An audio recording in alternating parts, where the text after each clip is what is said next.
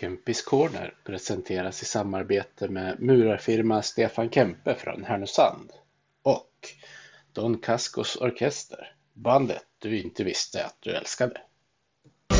Vi älskar att vinna och hatar förlust Men alltid vi hyllar vårt lag hjärtats lust Övik, ja, Övik, ja, där trivs vi bäst Med matcher i lyan, ja, då är fett För älskar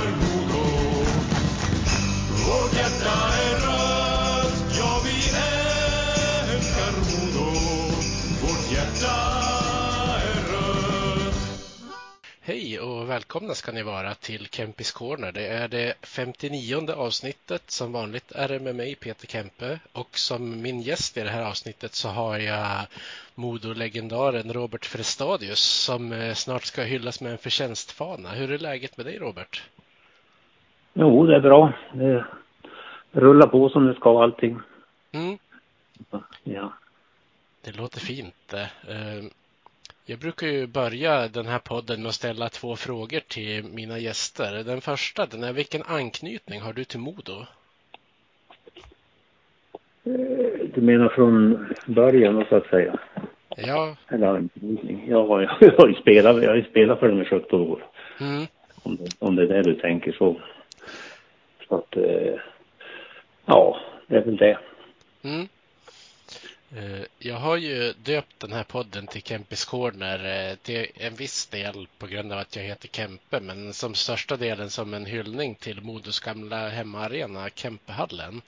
Eh, vad har du för, jag förstår att det är många, men om du ska plocka ut några favoritminnen från Kempis, har du några som du kommer på att tänka på på start? Ja, det är väl de olika final, finalspelarna så att säga som man, eh, sen har jag ju ganska roliga minnen från när man var yngre och liksom i ungdomsåren. Man, man hängde där redan då så att säga. Då var det väl ännu större med själva ja, arenan och sådär. Så att säga. Ja, Man var och sprang på matcherna när man var typ eh, ja, 10, 12, 13, 14 år tänkte du då på att du skulle kunna spela där en dag själv också? Eh, jag tror inte jag hade riktigt sådana tankar då inte utan jag är ju uppfostrad i, i ÖSK så att man var väl liksom, man tog det väl därifrån att man började i en lägre division och så småningom så hamnar man i Modo. Eh, Hur gick det till när du kom in på hockeybanan? Hur, hur gammal var du när du började åka skridskor ungefär? Ja, jag har ju några minnen jag var, jag måste ha varit kanske eh, sex, sju år då. Bodde i Krokstad utanför Övik och där fanns det en liten plan liksom som, ja egentligen bara en yta som kommunskola. Det var väl det nästa minne jag hade att man for åkte cirklar där. Mm. Så att, och sen flyttade jag ju när jag var, eh, gick i andra klass, var väl åtta år. Till, till stan där, Vintergatan. Då hade man ju skyttisområde bara stenkast därifrån så att då, då tog ju det över så att säga. Då blev ju mera, ja då var, bodde man ju mer eller mindre där kan jag säga. ja, det var väl det var väl vanligare att folk åkte på, på uterinkar då också? Jo, det var i alla fall konstfruset så att det var ju, det var ju, man hade ju alltid is om man säger så. Och så var det ju, det var ju mycket ledigt. Det var ju egentligen bara A-laget kanske och ÖSKs A-lag och juniorlag som hade istider. Så att det var ju hemskt mycket friåkning på de där banorna så att man gjorde många timmar där. Och sen hade vi den där banan eh, alldeles ovanför också med längd, ja, skrin, skrin, vad heter det, längdskridskor. Just det. Eh, testade du på det det någon gång också? Jo, det gjorde man faktiskt. Jag minns att trä, han som var tränare där uppe då, han var ju som intresserad av att man skulle börja. Han såg att vi var några stycken som var där och åkte ganska mycket. Vi for ju of- ofta upp dit när det blev, eh, när det var någon träning på, på isrinken så att säga. Vi hade träning eller någonting, då for man upp dit och fortsatte och åkte. Tills de var klar. Då var man nere på plan igen. ja. Hur många timmar i, veckan blev det på, på skridskoåkning? Ja, det är svårt att komma ihåg. Jag minns man slängde egentligen bara in ryggsäcken, skolväskan innanför dörren och så for man upp. Så att, eh, ja. Det var eh, massa, det var ju säkert eh, tre, fyra timmar per dag om man säger så. Och det var ju liksom, det var ju i princip hela säsongen. Ja, eh, överhuvudtaget fanns det, på den tiden fanns det ju inte. Det var ju liksom tills man platsade i pojklaget som det är typ A-pojkar då. Då var det ju ingen serieverksamhet utan då var det bara att vi tekade upp och gjorde lag och grejer och spelade så. Just det. Tills man, Eh, tills man då platsade i det laget så att säga. Mm. Du spelade inte med något eh, ordnat lag innan det då? Nej, det fanns ju, det var inte så, det var ju som A-pojkar som var liksom insteget på i klubbverksamheten då. Det kunde man ju platsa där om man var duktig kanske två, tre år för tidigt om man säger. Ja, Innan maxåldern så att säga. just det. Mm. Så det var många som, som var med och åkte där då antar jag när ni körde? Ja, det var ju hela, om man säger, alla gator runt omkring. Samlades ju liksom. Det var ju i regel kanske, vad ska jag tro, 20-30 stycken som delade upp, tekade upp, gjorde lag och det var den där trevliga versionen när man pekade på varandra och en blev över Ja, till slut. Inte så, kanske så trevligt egentligen men det var ju så det var. ja. Var det så du, du lärde dig att, att spela ishockey på riktigt också? Eller hade du någon annan som kunde, som, som hjälpte dig med någon teknik eller så? Nej, det fanns ju inte egentligen. Alltså, utan det var ju... Vi lärde oss själv. Det gjorde ju allihop. Utan det, blev bara, det var liksom tiden som fick, som fick göra att man fick, fick in rörelserna rätt och fick sin teknik. Ja, Vad man nöta på. det låter som, som du, har- du har skjutit att tacka för en del som kom senare om andra ord. Jo, absolut. Och ÖSK i stort om man säger så. Sen man väl börjar liksom komma in i klubbverksamheten så jag är ju hemskt tacksam mot dem. Ja. Eh, var det... När du började spela ishockey, var det liksom på seniornivå direkt då eller? Nej, men det var ju i, i man säger ÖSKs pojklag då. Och då var det ju, då var det ju liksom lokala serier som man mötte Modo, Järved och ja, Fredjeholmen och alla möjliga lag runt Övik så att säga. Ja, Det var ju en vanlig, vanlig liga om man säger så. Så att det, det var ju då man kom in i, liksom fick dra på sig en klubbdräkt och grejer. Så. Just det. fick, eh, ja, riktiga matcher med tabell och grejer. Mm. Eh, Kändes det som ett stort steg att ta när du började spela där? Nej, det kan jag inte säga. Jag kommer inte riktigt ihåg själva ögonblicket heller, liksom första, första matchen så, utan man var ju hängde där hela tiden. Det var ju liksom samma grabbar som man spelade med som blev ett lag om man säger så. Samma ena som man for och peka lag med på, på fritiden så att säga. Mm. Det är bara helt plötsligt att man blev ja, utvald och fick vara med i, i det där pojklaget. Eh, Spelade du eh, alltid eh, som back eller provade du på olika positioner? Nej, jag tror jag har varit back hela tiden. Fast man har varit ganska eh, villig att göra utflykter framåt också. Ja, Och på den tiden var det så där tidiga år så var det inte så himla organiserat att man skulle spela. Ja, alla gjorde sitt bästa framåt och bakåt liksom. Det var inte så inrutat själva taktiskt sett. Utan det var ju ja, man var ju naturligtvis back och så vidare men man hade ju ganska fria roller all, allihopa. Mm.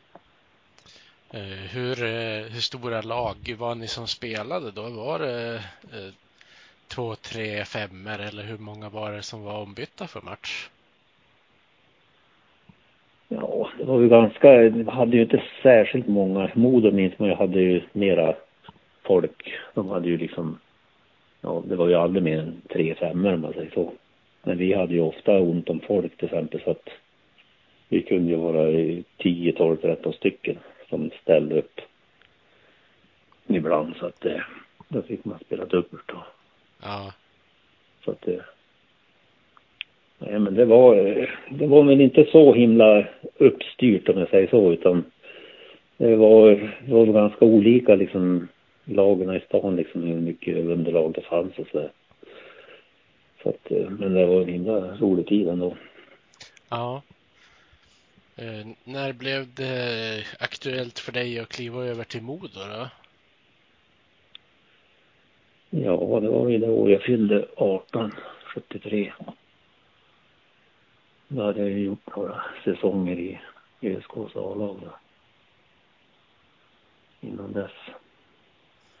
Det blev att man platsade ganska tidigt där liksom i, i A-laget kommer inte ihåg exakt heller hur många, alltså hur det gick till där när man helt plötsligt var ordinarie där. Nej. Det var väl två, tre säsonger där i A-laget första. Bland stora vuxna grabbarna. Mm. Ja, sen gick jag ju till Modo då. Ja, det blev värvat 73 då. Så första säsongen blev det 73, 74. Då var du med när, eh, när det klev över till eh, att serien hette Elitserien något år senare också. Uh. Jo, det var ju division, vad heter det, ett södra och norra liksom. Första två åren. Så det blev ju, elitserien blev ju 75. Mm.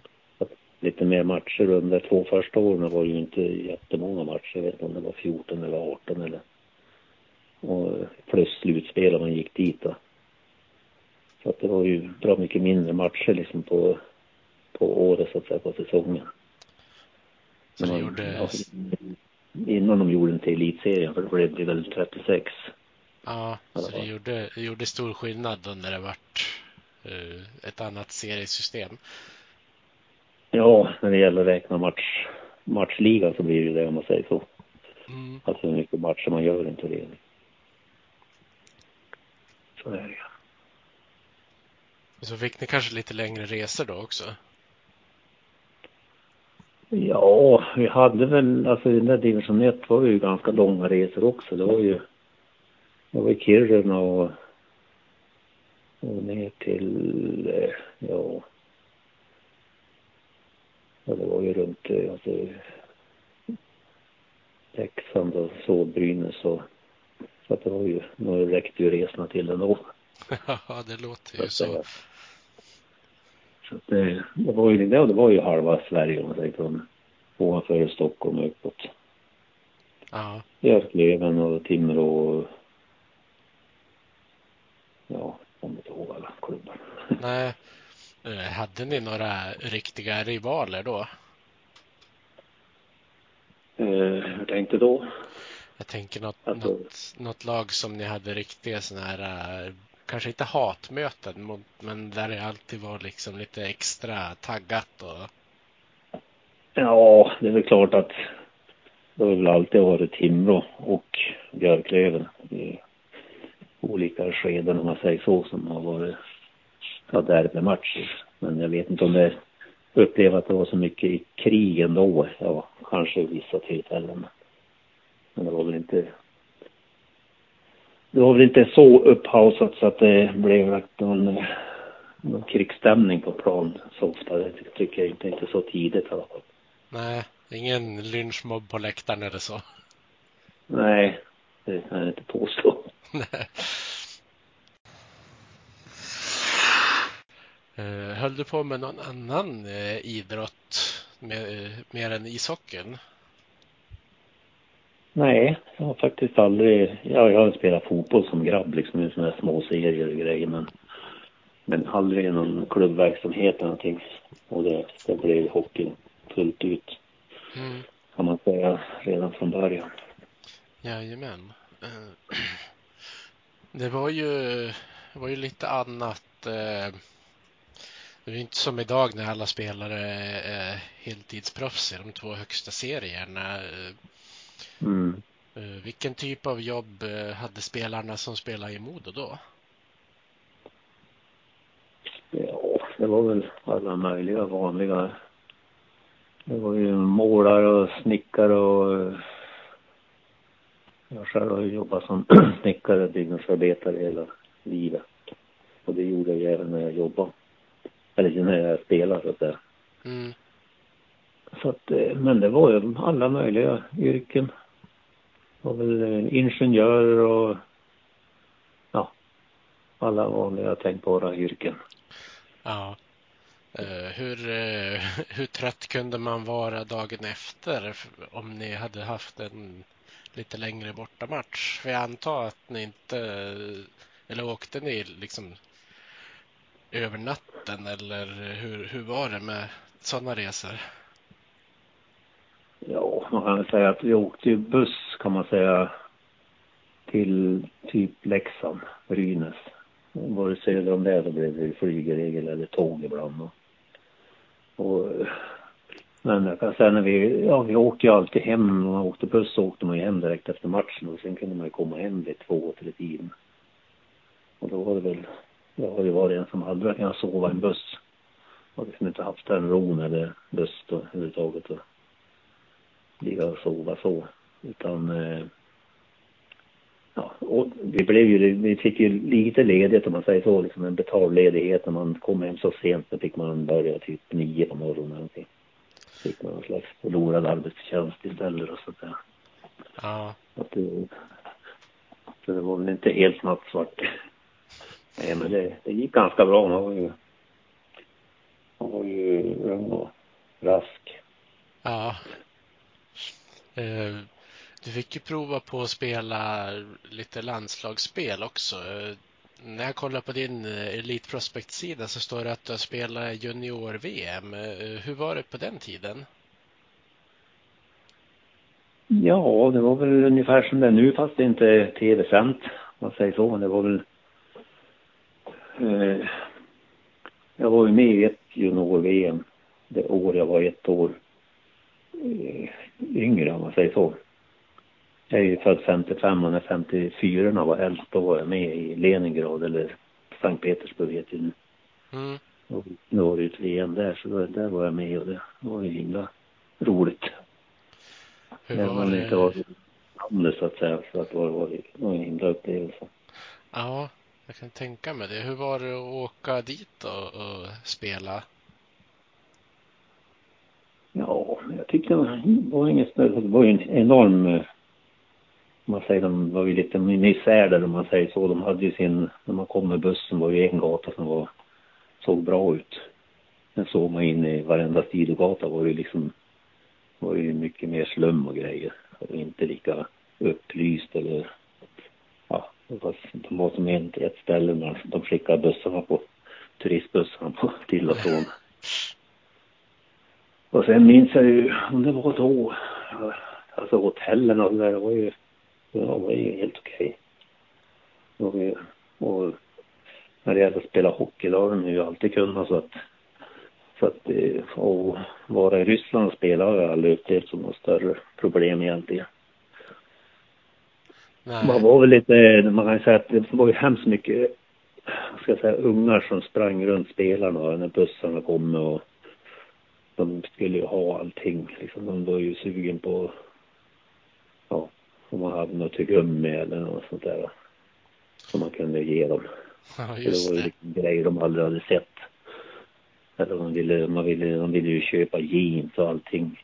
Ja, Folket där på den tiden liksom, det var ju så himla exklusivt.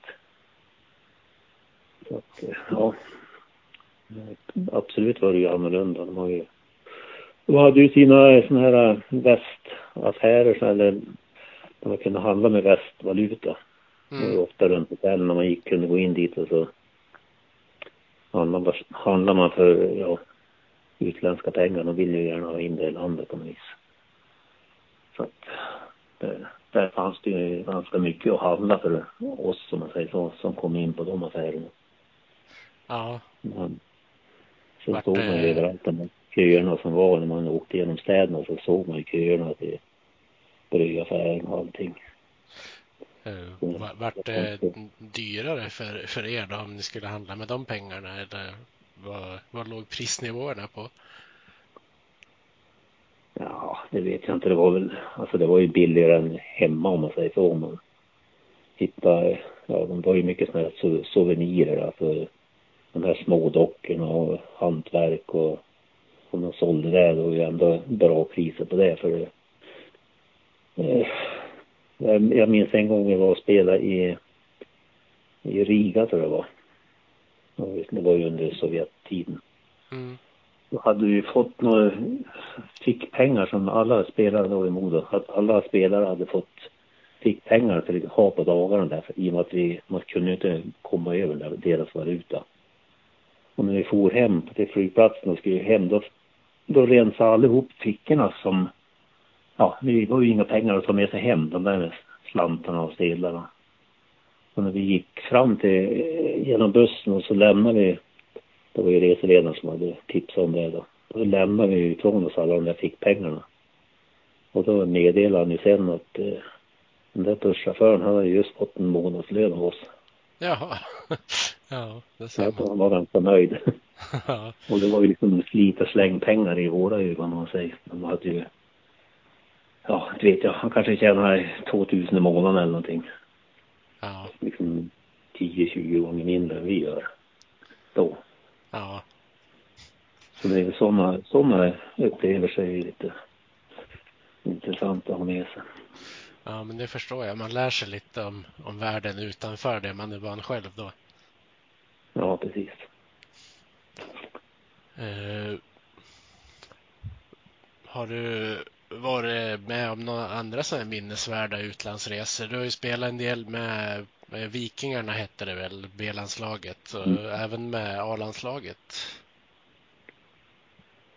Ja, men, ja, jag har gjort två turneringar med A-landslag, alltså sådana här vänskapsturneringar.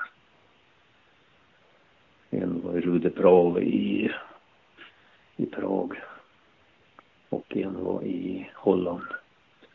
Det var ju liksom två, jag tror jag gjorde sex landskamper, jag har sett det så. Sen har jag gjort en hel, bra mycket mer med de här vikingarna. Så att jag har varit dit och varit i USA två svängar och så det är ju, sådana resor är ju alltid roliga. Man får komma sig ut och se lite grann. Ja, Sen, eh, ja, med riktiga minnen som var speciellt, det vet jag inte men det är väl själva, själva res, resorna och få se lite olika mål, resmål.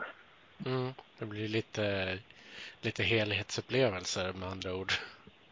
Jo, absolut. Det är, det är lite annorlunda, speciellt när man är yngre och får komma över dit. Och jag, och man kan säga när det gäller resor så har jag gjort en som, och det var ju innan modetiden med ÖSK. Det år jag gick över till Modo när jag var 17 år, då gjorde vi en, en resa till, till USA med ÖSKs A-lag så att säga. Mm, Så då var vi ju där i tre veckor drygt tror jag och spelade mot collegelag. Och åkte runt och bodde, bodde ganska mycket i familj, hos familjer liksom. Blev inkvarterade ja, typ två och två då hos en familj och så spelade vi mot det collegelaget på kvällen och så for vi vidare och det var en enorm upplevelse tycker jag. Det är klart, då var man ju 17 år då. Det var ju ganska så var ju det en ganska stor skillnad när man kommer dit liksom och ser deras eh, lyx och det står tre nya amerikanbilar på gården och sådär. Och förä- föräldrarna till de barnen vi spelar mot om man säger så. mm, För då, då mötte vi liksom collegelag där det var killar då som var ja i den åldern. 16, 17, 18 år. ja, det var en himla upplevelse. Vi var ju faktiskt första, första svenska lag som var där och spelade. just Alltså det. tre klubblag om man säger så. Landslag har ju varit där. Det var första klubblag som var där och spelade Ja, i just. USA. Det måste ju verkligen ha, ha varit en, en upplevelse. Eh, Fick ni höra mycket, mycket snack ute på isen då? Nej, det var ju, det var ju som sagt bara, det var ju yngre grabbar, ju inte de här råskinnen man har sett annars på. Som håller på och hugg ner folk. Nej, det här var ju mera, det var ju liksom vänskapsmatcher kan man säga också så att det var. Gjorde nog ganska säkert, jag kommer inte ihåg, men det var kanske 12 matcher eller någonting. Så det var ganska tätt spelat. Mm. Det var en himla rolig resa att åka runt där och från ort till ort. Eh, Är det något ställe som du har åkt till eh, under hockeykarriären som du har besökt som turist senare eller har det bara varit liksom hockeyresorna? Ja, nej, det, det kan jag väl inte säga. Det är ju bara i Sverige i så fall. Det finns ju hockeylag överallt så. Ja, Men man har inte, man har inte farit dit för hockeyn skulle man säga så. nej. Eller för, för att man hade varit där med hockeyn. Men nej, det har nog inte, inte varit på något sånt inte.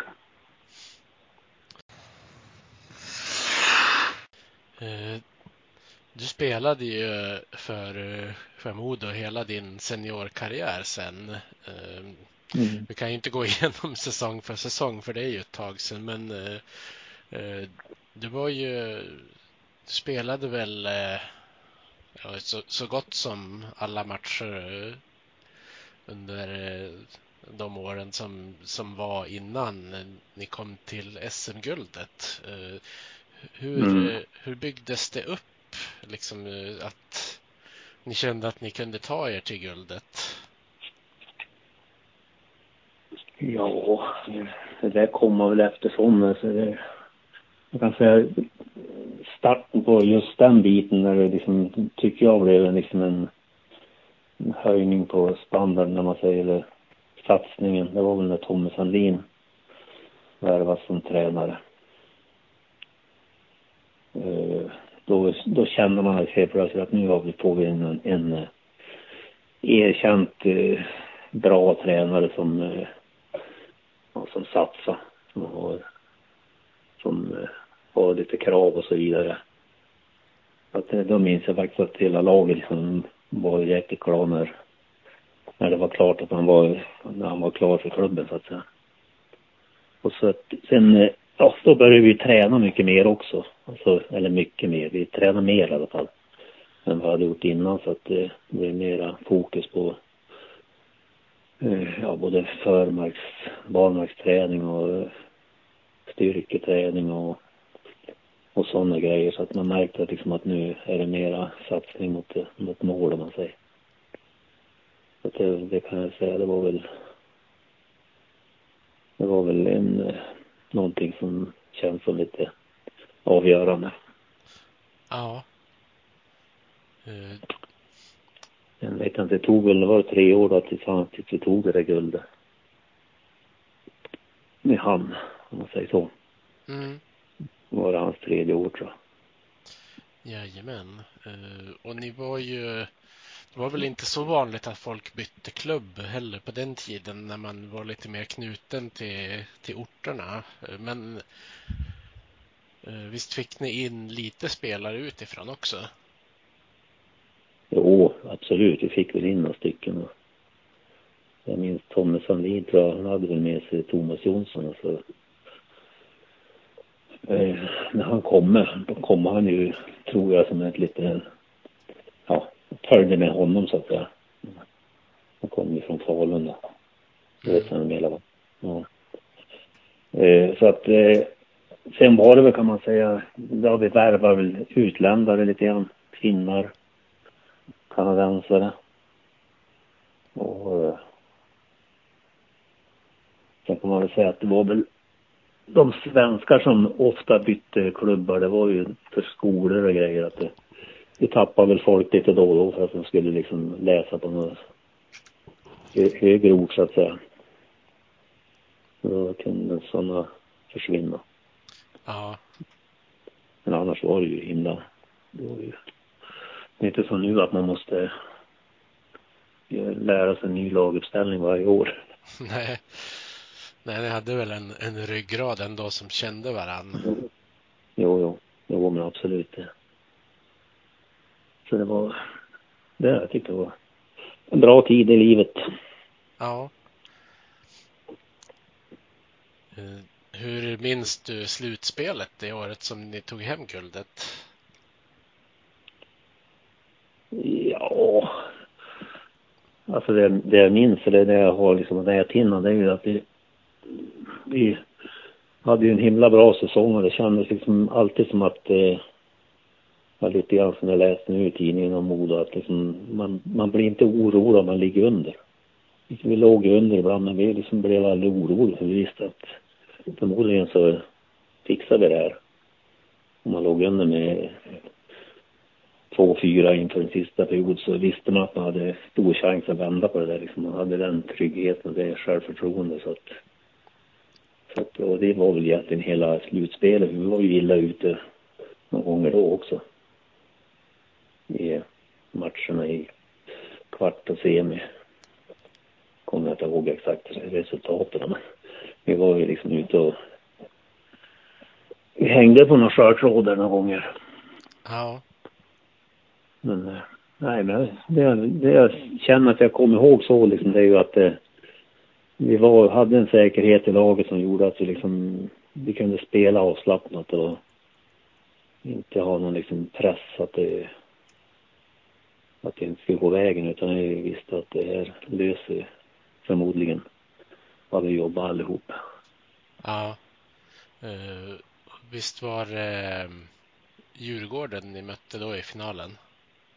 ja, det var ju hemma borta. Sen var det ju tredje match där i Skandinavien med Göteborg. Och ja, det blev ju en bra, bra match. Det gjorde vi ju, då blev det 8-3 va? Ja. Det blev den matchen så att det, ja det blev ju en riktig brak avslutning på det året. Ja, det måste vara skönt att känna då att det här, det här kan, kan gå vägen. Ja, ja, jo men det, vi, vi kände oss jäkligt starkt då faktiskt så att det, vi var segervissa den matchen. Det var det, det kommer jag ihåg. Var mm. Eh, visst var Mikko Leinonen inblandad eh, i den där finalserien? Ja, jag spelade ju i samma femma som han i flera år där. Mm. Så att, eh, och så han, så vi spelade ju samma femma så han var ju, vi kan säga våran femma förresten gjorde ju varsitt mål allihopa. Ja. I den matchen. Just det. Det, det var lite speciellt. Himla kul bara. Att det faller sig så. Ja men verkligen. kan man ju verkligen känna att man var med och, och bidrog i sista matchen också. Jajamän, jodå. Nej, det var en härlig upplevelse. Det är lite synd när man, att man spelar sånt där på en neutral plan. Jag vet inte om det, om det var sista gången eller det var ju inte så lyckat egentligen. Nej. Men det var ju ändå, det var ju full, slutsålt där så att det var ju, på det viset var det ju bra. Det var ju stämning där. Annars det... tycker man att, eh, man tycker att det kanske är hemmapubliken eller ja, lagpubliken ska få uppleva det där liksom på hemmaplan eller bortaplan och vilka som nu har hemmaplan så att säga. Mm. Men det var, det var en trevlig match. Det var det. Kände ni att ni hade några som höll på er också eller var det, kändes som det var mer som höll på det andra laget? Nej, det kändes nog som att det var mer, det är väl mer på oss. Det var ju ganska många nedresta också men jag vet jag inte om göteborgarna har hållit på någon stockholmare i onödan inte. Nej, det är väl klart. det tror jag inte. Nej. Nej, men det, det var en bra stämning där. Mm. Och sen var ju Tommy Sandlin tränare för eh, Tre Kronor efter det där. Tog han med sig några spelare från ert lag till VM också? Till det VM? Mm. Jo, jo, jo. Ja, inte jag som sagt, men Sture Andersson och ja, nu kommer jag inte ihåg. Han är där utan till. Pelle Rönnqvist jag. Det var ju några fler också.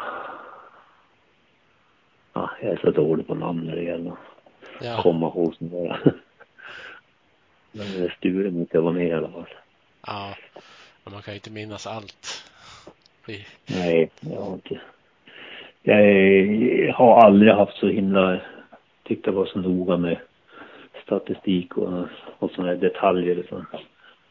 Man har spelat för man tyckte det var roligt och spännande och för stunden. Ja, och du kom ju ganska långt med den inställningen ändå. Jo, absolut. Det, det blev ju några år. Ja. Eh, Har du kvar några sådana här eh, tröjor från karriären eller några andra minnen så här som är kul att ha kvar några år efter att man har slutat? Ja, Jag har ju en tröja kvar nu. Jag gav ju bort den där 79-tröjan nere i, i Göteborg där. Den gav jag bort till en kusin och sen har jag inte sett den mer. Nej, just det. Så att det, nej men det, sen har jag en, jag tror den är från 75. En sån här liten, vad ska jag säga, nästan stickad.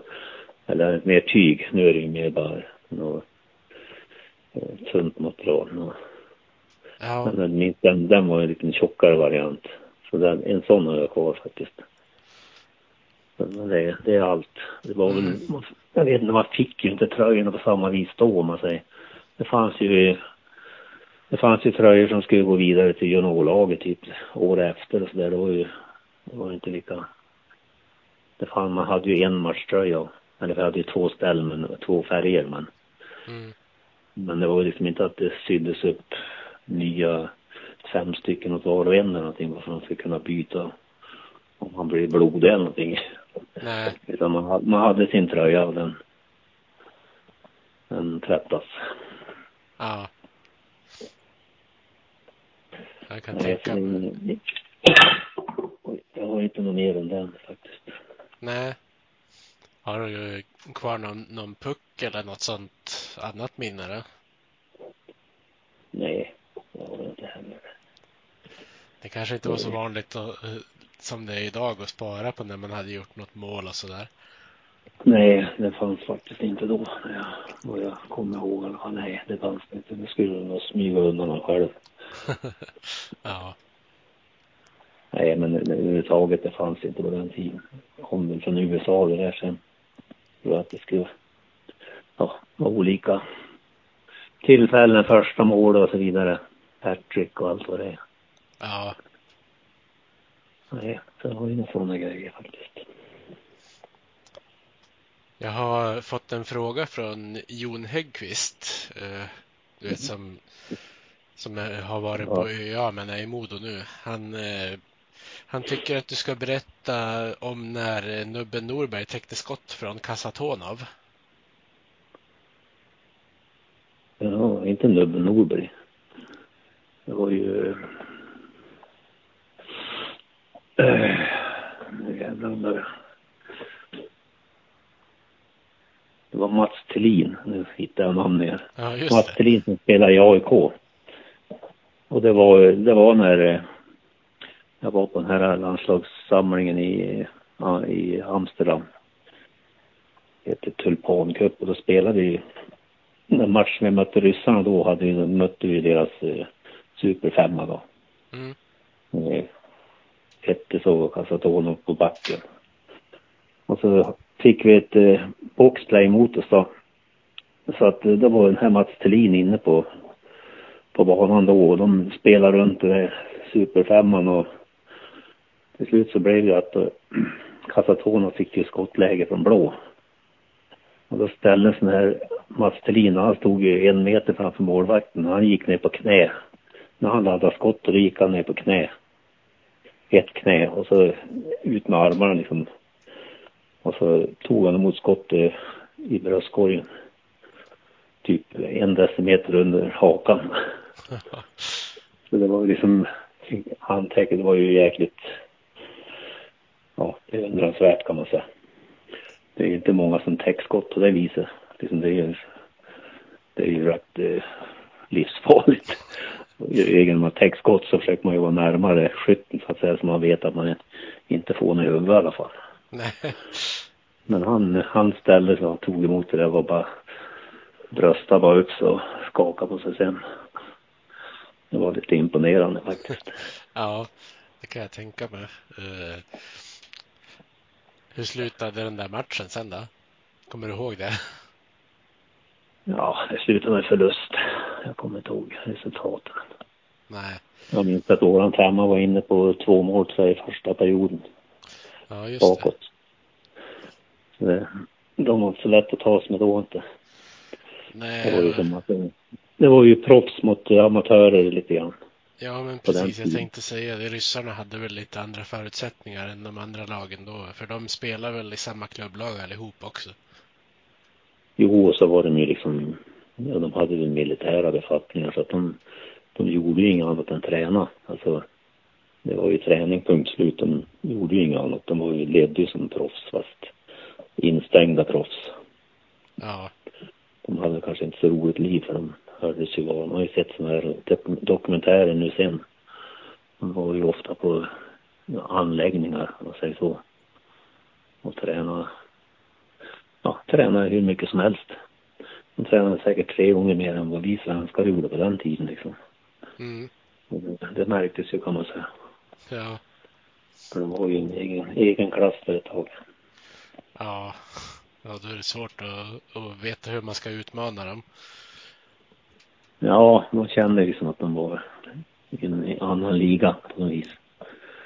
Det var, det var, det gick fort som man säger så på isen. Ja.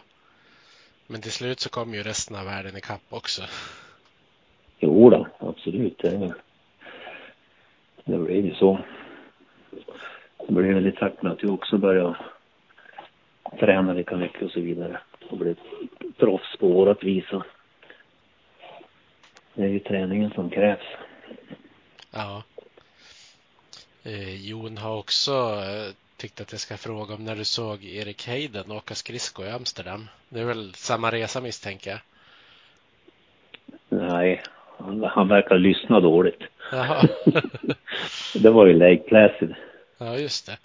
Det var där med Vikingarna. Och det var året innan det var OS där. Alltså, de, de brukar ofta ha ett för-OS som en inkörningsperiod på sådana här orter. Där det ska vara ett OS, är ett för-OS. Och då var vi där på en landslagsturnering och med Vikingarna då. Och jag bodde där i Lake Placid och spelade en turnering och då hade den där skrindrarbanan alldeles utanför, alltså den ovalen låg i anslutning till hockeyplan. Arenan. Och när vi kom och gick där och skulle in till hallen då var ju när Erik Heiden ute och tränade. Och jag kan säga att det, då såg man han bakifrån när han åkte runt liksom. Och det var ju som en, vad ska jag säga, en ardenner.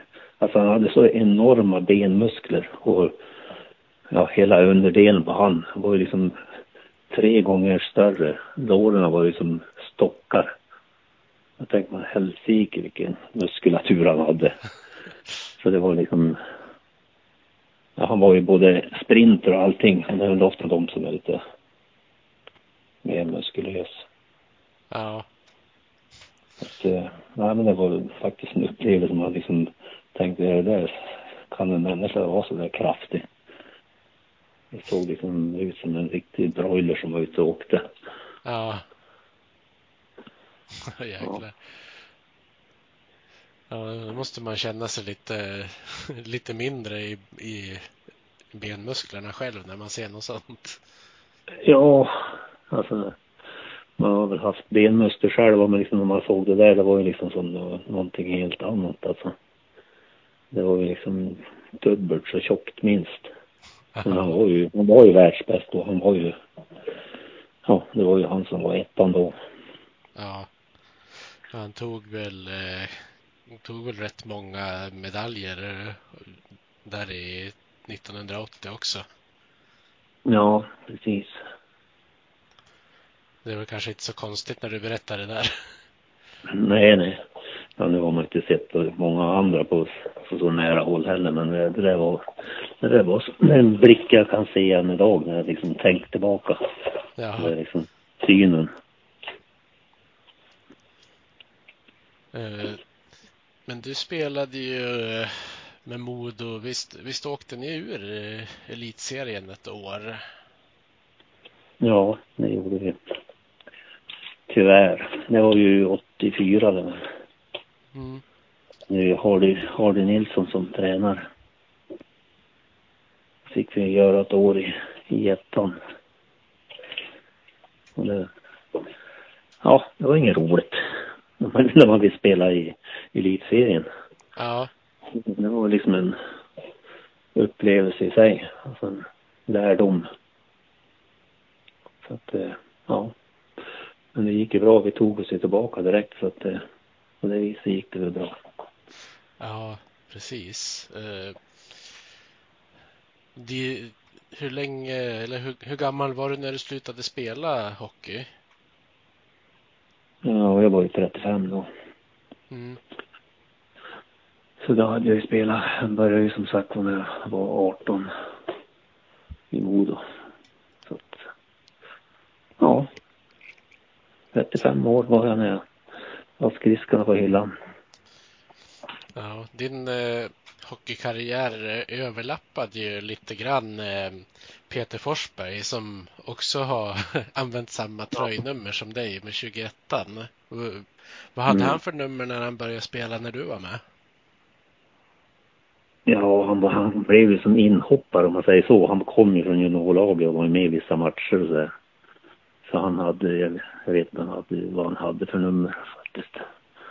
Det har jag ingen riktig koll på utan han, han tog över min tröja. Eller, han kom ju in i A-laget konstant liksom när jag, det år jag slutade. Alltså, Mm.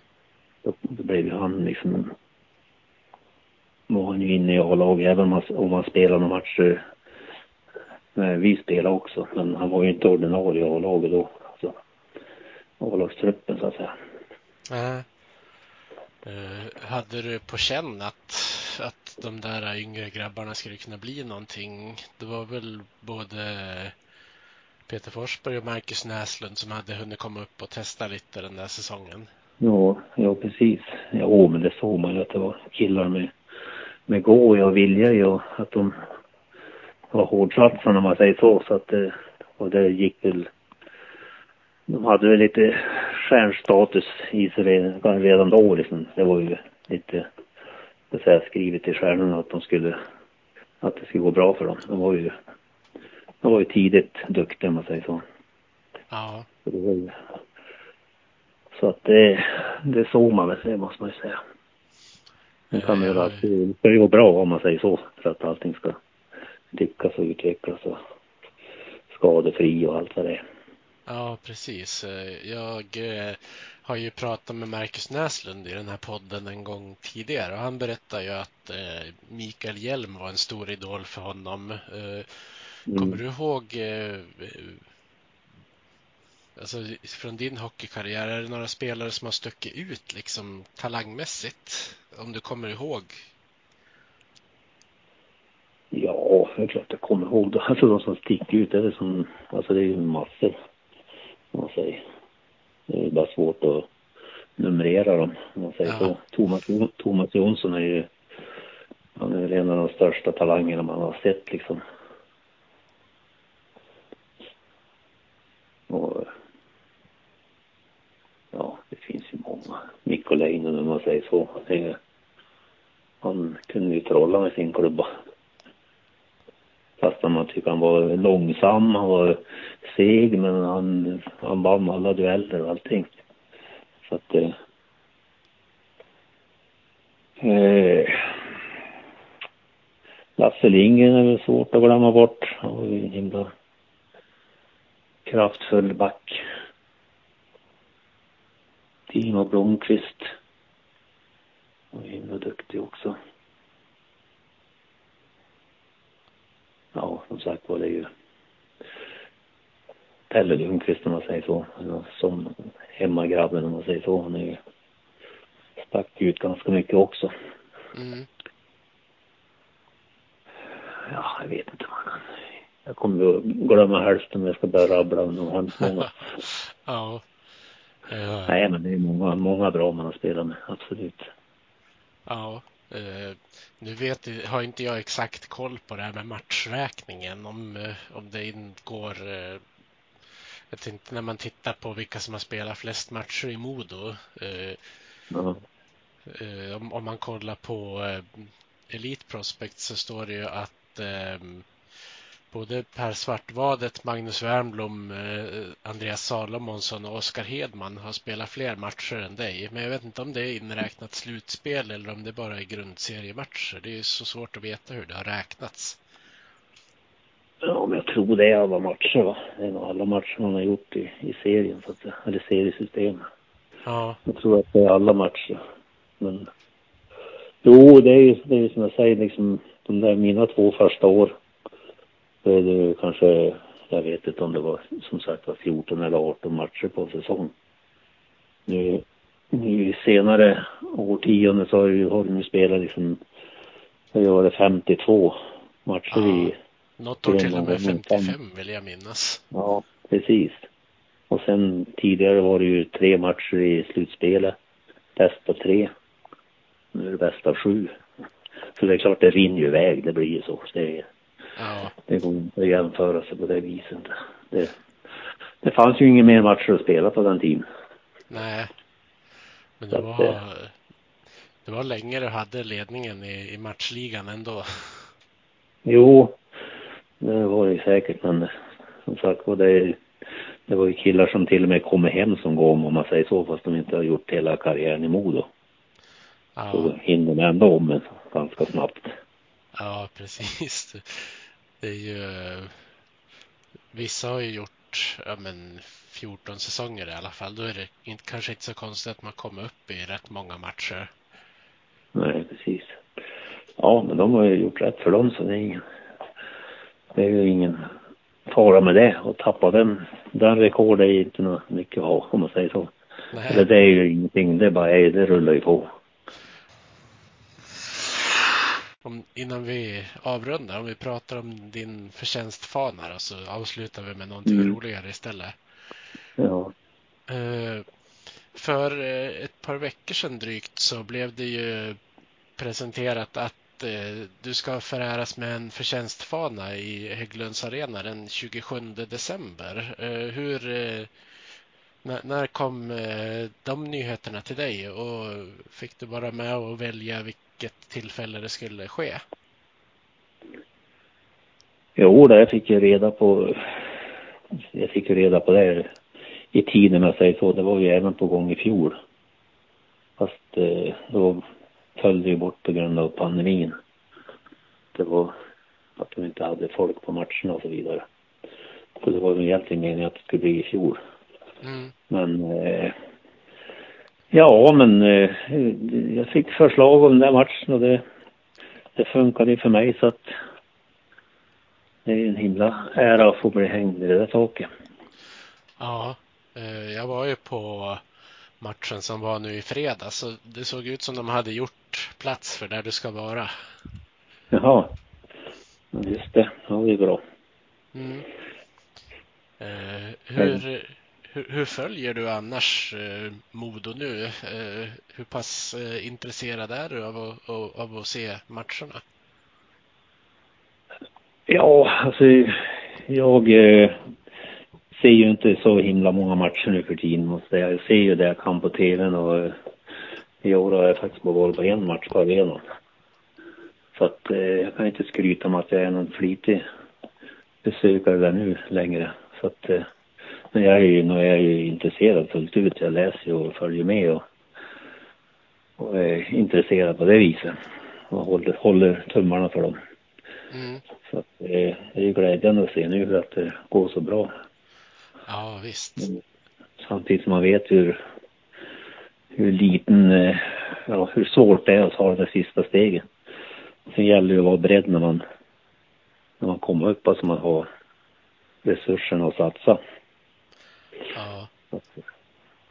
Nej, men det, det är jättekul att se hur bra det går nu. Att det ligger, att det, ja, de är, verkar vara på rätt väg helt klart. Ja, verkligen. Det känns som eh, Henrik Gradin och Mattias Karlin har blivit precis rätt ledarskap i rätt tid. Ja, precis. Eh, det är jätteroligt att se att det Ja, det är så lite som skiljer liksom ändå när, man, när det gäller att ta ett steg upp sen. Alltså, det, du ska ju vara toppad precis de där matcherna och du ska ha tur med ja, massa grejer. Ja. Att det, att det är himla viktigt att man har, har bra målvakt helt enkelt. Det har ju sett så många gånger att det, det är ofta en sån som kan vara tunga på vågen. Ja, visst. Och det verkar de ha nu. Mm. Ja, men man ska ju vara som bäst i slutspelet också, även om det såklart är bra att visa konkurrenterna Jo, jo. Att, de, att de ska räkna med Modo i år. Jo, precis. Man, man bygger ju själv upp ett självförtroende så att man, det är ju bra att ha med sig sen. Så är det ju. När man tar med sig, det kan ju ingen ta ifrån en så att säga. Det är, det är en känsla man får att man, att man är bra och att man, man är ett vinnande lag. Och det Mm. kan, man, du- kan man ju leva på ibland. Ja, ja, du har varit med och gjort den där resan upp själv någon gång också. Jo, precis. Så, ja, det är som sagt var det kändes ju himla bra den gången att vi kom tillbaka direkt. Man, man vet ju hur svårt det kan vara om det, som man ser ju nu också att det, det är inte så lätt. Och nu är det ju ännu mer pengar med i bilden så att säga. Ja, Det är inte bara att få ihop ett bra lag. Det, liksom, det kostar ju så hemskt mycket att få ihop det där bra laget. Sen är det ju, sen ska det ju vara ett lag som, som funkar i lag. ja, och sen är det ju lätt att lag blir sönderplockade med dagens transferklimat jämfört med hur det var förut också. Ja, ja, absolut. Det är liksom livsfarligt om de är för bra ett tag. Då försvinner de. Ja, det blir ju lätt så. Eh, Men eh, jag satt ju och kollade runt lite grann eh, inför när vi skulle spela in det här och hittade en, en historia som, som var i tidningen härom året om, om en kille som heter Peter Larsson och med någon, någon puck som som vart Jaha. som, som någon kom åt. Eh, Ja, kan, ja. inte, kan inte du berätta lite grann om den historien? Ja, det, det var ju helt enkelt så här att det var i Södertälje och spela. En match där och eh, på matchuppvärmningen, alltså på, ja, före matchen då så att säga. När jag var ute och värmde så, ja, det brukar ju vara pojkar ute och springa där och det var ju någon som, det for över en puck. Det är ju fullt med puckar på isen och då flög det över en puck och precis när jag åkte förbi det såg jag över två killar som sprang mot den där pucken. Och det var ju bara en som fick tag i den. Och den andra han såg ju ganska moloken ut då. Så att eh, åkte jag bara förbi och så flippade jag över en puck till åt dem. Och jag tänkte inte mer på det där för han hörde av sig nu för några år sedan. Och, och ja, han skrev ett brev och berättade den där historien. Och jag kommer ju ihåg det, alltså som, som historia så att säga. Att jag gjorde något. Men det var ju någonting som han verkligen hade lagt på minne. Ja, Så jag träffade honom ju på campus för ett par år sedan. Nej, på arenan. mm, Det var där en match, då kom han ju fram och presenterade sig det var då där rubriken blev. ja, Kom han och, ja, tacka för pucken han fick. ja. Att eh, sådana små gester kan, kan skapa ganska stora ringar på vattnet ändå. Jo, jo. Jo, det, men det var så, det kom så lägligt att jag såg precis när de jagade, slog som den där pucken. Som flög över liksom och så, ja, som sagt var han, den ena var ju inte så glad då. Nej, Men det ordnade sig ju. ja, det var ju tur det. Ja, Eh, Det är ju, jag har ju efterlyst ett par frågor. Det är ju så jag har fått in dem där från Jon till exempel. Som du får rätta an Ja. lite när du träffar han nästa gång. ja. Men den vanligaste frågan den är om du har kvar mustaschen. Jaha, ja den är kvar. Den, är, den tar jag inte bort så ofta. Nej, Nej det är bra. Då, då kommer de att känna igen det på hyllningen också. Ja, ja. Eh, den får nog vara kvar. Han är lite gråare nu men Ja,